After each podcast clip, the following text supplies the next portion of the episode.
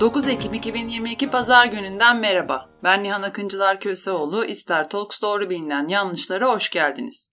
Bu İster Talks doğru bilinen yanlışlar podcast serisi Avrupa Birliği Sivil Düşün Programı duyurmak istiyoruz desteği kapsamında Avrupa Birliği desteğiyle gerçekleşmektedir.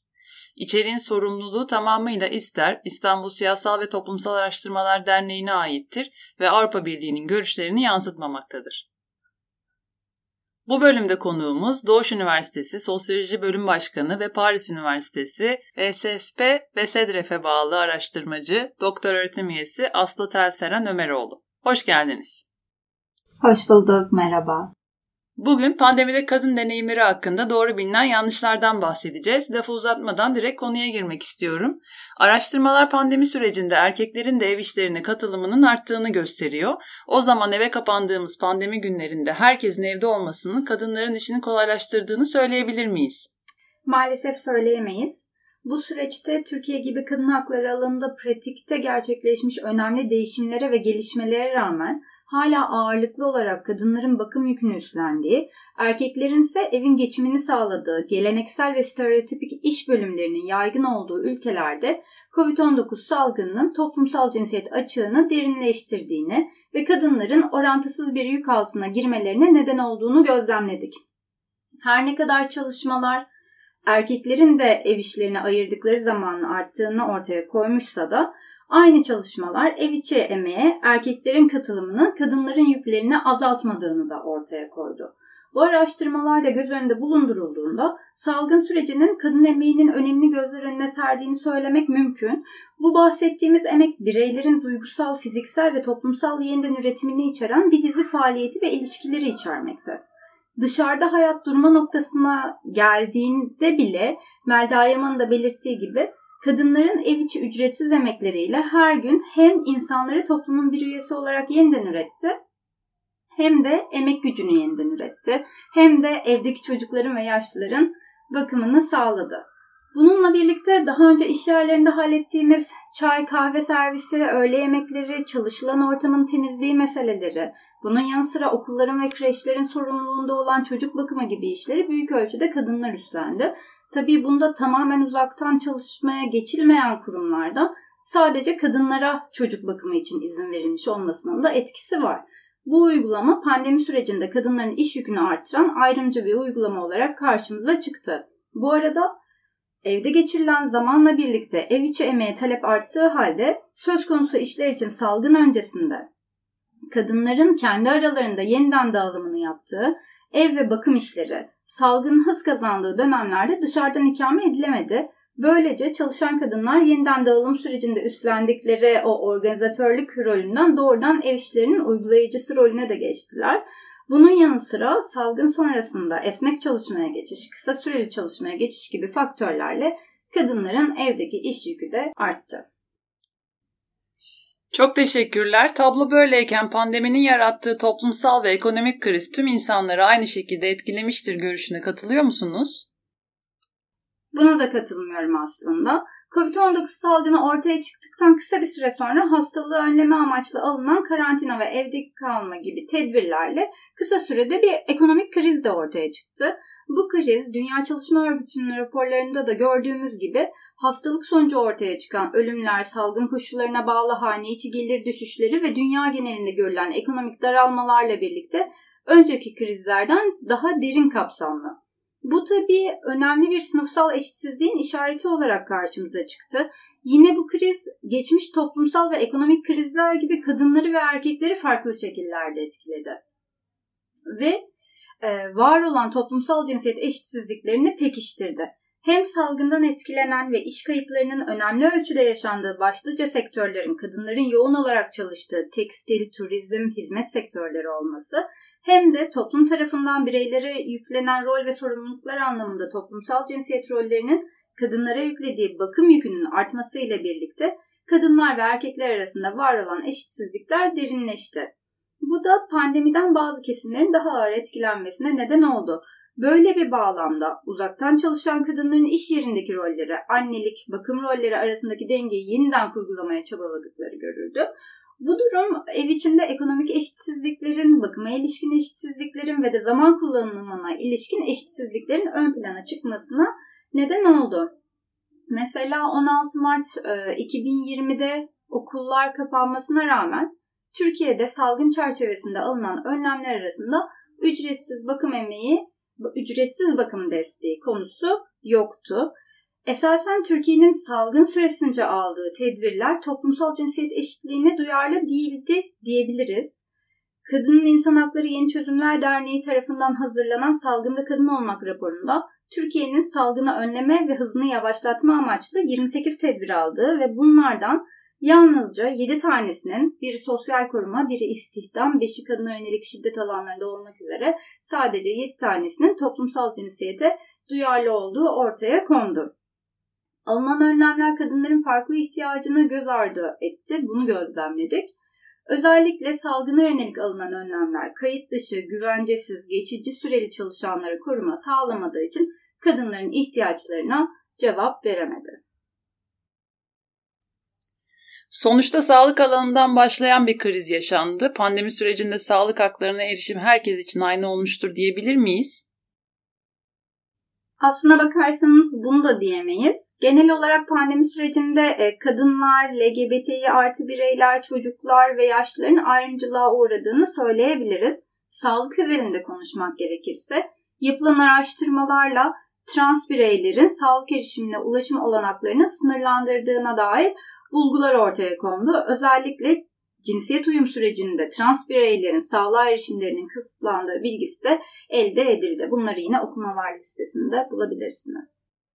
Çok açıklayıcı oldu. Teşekkür ediyorum. Dünyada ve Türkiye'de en önemli problemlerden biri de şiddet. Son olarak o konuyla ilgili bir iddiayı size sormak istiyorum. Pandemi sürecinde eve kapanmalarla birlikte kadına yönelik şiddet arttı mı? Evet, güzel bir soru. Buna %100 net bir cevap verememekle birlikte tablonun genel bir özetini geçebilirim kadınlara ve kız çocuklarına yönelik şiddetin pandemiyle mücadele kapsamında alınan tedbirler nedeniyle dünya genelinde artış göstermesi sonucu Birleşmiş Milletler bu soruna dikkat çekmek için dünya çapında bir kampanya başlattı. Konuyla ilgili tartışmalar yani erkek şiddetinin artıp artmadığı ile ilgili tartışmalar uzunca bir süre devam etti. Ancak biliyoruz ki birçok ülkede kadınların şiddet bildiriminde önemli ölçüde artış yaşandı. Ama bu şiddetin ne kadarı pandemiden kaynaklı bunu bilemiyoruz. Ee, şimdi çok fazla bu konuyla ilgili detaya giremeyeceğim süremiz nedeniyle. Ee, ancak ilgili raporları ve diğer ülkelerle ilgili açıklamaları okuma listesine ekleyeceğim. Oradan da ulaşabilirsiniz. Şimdi Türkiye'ye gelirsek, Türkiye'de kadına yönelik erkek şiddetiyle ilgili veriler salgın öncesinde de şeffaf bir şekilde paylaşılmadığı için salgının etkisini tam olarak ölçemiyoruz. Ne demek bu? e, pandemi dönemindeki adıyla Aile, Çalışma ve Sosyal Hizmetler Bakanlığı'nın verileri kadın örgütlerinin verileriyle ya da bağımsız yayın organlarının verileriyle örtüşmüyor. Ancak pandemi sürecinde şöyle bir şey oldu. Salgında kadın olmak araştırmasında detaylıca anlatıldığı gibi 20 Ekim 2020 tarihinde Aile, Çalışma ve Sosyal Hizmetler Bakanlığı Kadının Statüsü Genel Müdürlüğü tarafından gerçekleştirilen Kadına yönelik şiddetle mücadele 4. Ulusal Eylem Planı hazırlık çalıştayında Kadının Statüsü Genel Müdürü salgın döneminde Alo 183 sosyal destek hattına gelen aramaların artışı sebebiyle aramalara cevap verilirken bir önceliklendirilmeye gidildiğinden şiddet nedeniyle arayan kadınları sıfırı tuşlayarak doğrudan danışma hattına ulaşabileceğinden bahsetmişti. Bakanlığın tarifiyle aile, kadın, çocuk, engelli, yaşlı, şehit yakınları ile gaziler ve gazi yakınlarına yönelik hizmetlere ilişkin tüm aramaların alındığı bu hat, salgın döneminde pandemi yardımı başvuruları için de kullanılmaya başlandı. Bakanlık tarafından hattı arayanların arama sebeplerine dair bilgi kamuya açık ve şeffaf bir şekilde paylaşılmadığı için Alo 183'e gelen şiddet bildirimlerinin salgın esnasındaki durumunu tam olarak bilemiyoruz. Bu dönemde karşılaşılan önemli problemlerden biri TCK 103. maddesinde değişik yapılmaya çalışılarak çocuk istismar faillerine affın yolunun açılması, kadınların yoksulluk nafakası haklarının sınırlandırılmaya çalışması ve son olarak kadına yönelik şiddeti önlemek için devletleri yükümlü kılan İstanbul Sözleşmesi'nden çıkılmasına gündeme getirilmesi ve sonrasında da sözleşmeden çıkılması. Bunları kadınların elini şiddete karşı mücadelede güçsüzleştirme adımları olarak okuyabiliriz. Bunlara ek olarak pandemiyle mücadele kapsamında alınan bazı tedbirler kadınların güvenliğini tehlikeye attı. 2020'de uzunca bir süre gündemi meşgul eden 30 Mart 2020 tarihli Hakimler ve Savcılar Yüksek Kurulu kararıyla hakimlere verilen bir talimat vardı. O da 6284 sayılı kanun kapsamında verilen tedbir kararlarının yükümlülerin koronavirüs kapsamında sağlığını tehdit etmeyecek şekilde değerlendirilmesi talimatı. Bu talimat şiddet uygulayan failler hakkında evden uzaklaştırma kararı verilmemesi ya da kadınların sığınaklara yerleştirilmemesi riskini doğurdu. O dönemde Aile Çalışma ve Sosyal Hizmetler Bakanı'nın açıklamaları kadına yönelik şiddetin kapsam dışında kaldığı yönündeydi. Ancak kanunda böyle bir madde olmadığı için kadınlara şiddet uygulayan birçok erkek darp, hafif yaralama ve benzeri nedenlerden ötürü ceza aldığı için bunlar kapsam, kararın kapsamı içindeydi. Bunun yanı sıra kamuoyunda infaz paketi olarak bilinen 15 Nisan 2020'de resmi gazetede yayınlanarak e, yürürlüğe giren bir paket vardı biliyorsunuz. Bir yandan da getirilen geçici düzenlemeleriyle cinsel dokunulmazlığa karşı suçlar, kadına yönelik fiziksel şiddet, kadın cinayetleri ya da cinayete teşebbüsten hüküm giymiş olanlar da dahil olmak üzere hali hazırda açık cezaevlerinde olan tüm mahkumlar 31 Mayıs 2020'ye kadar izinli sayıldı ve bu izin 30 Kasım 2020'ye kadar uzatıldı. Özetle kadınlar lehine hiçbir önlem almadan getirilen bu tedbirlerle kadınların can güvenliği tehlikeye atılmış oldu. Tabloyu böyle özetleyebilirim. Bugün bizlere katıldığınız ve pandemide kadın deneyimleri hakkında doğru bilinen yanlışlar konusunda bizleri aydınlattığınız için teşekkür ederiz. Çok keyifli ve bilgilendirici podcast yayını oldu. Dinleyicilerimize söylemek istediğiniz son bir şeyler varsa duymak isterim. Ben teşekkür ederim. Benim için de çok keyifli bir yayın oldu. Zor bir pandemi sürecinden geçtik. Hala da tam olarak bitmiş diyemiyoruz tabii.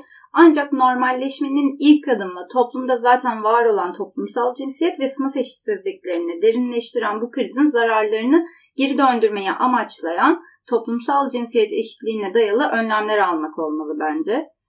Kadınlara yüklenen bakım yükünü kadınların omuzlarından almak bu adımların en önemlisi belki de devlet ve özel sektör tarafından alınması gereken bu önlemler toplumun yarısını oluşturan kadınların uzun mücadeleler sonucu kazandığı haklarını korumayı amaçlamalı diye düşünüyorum.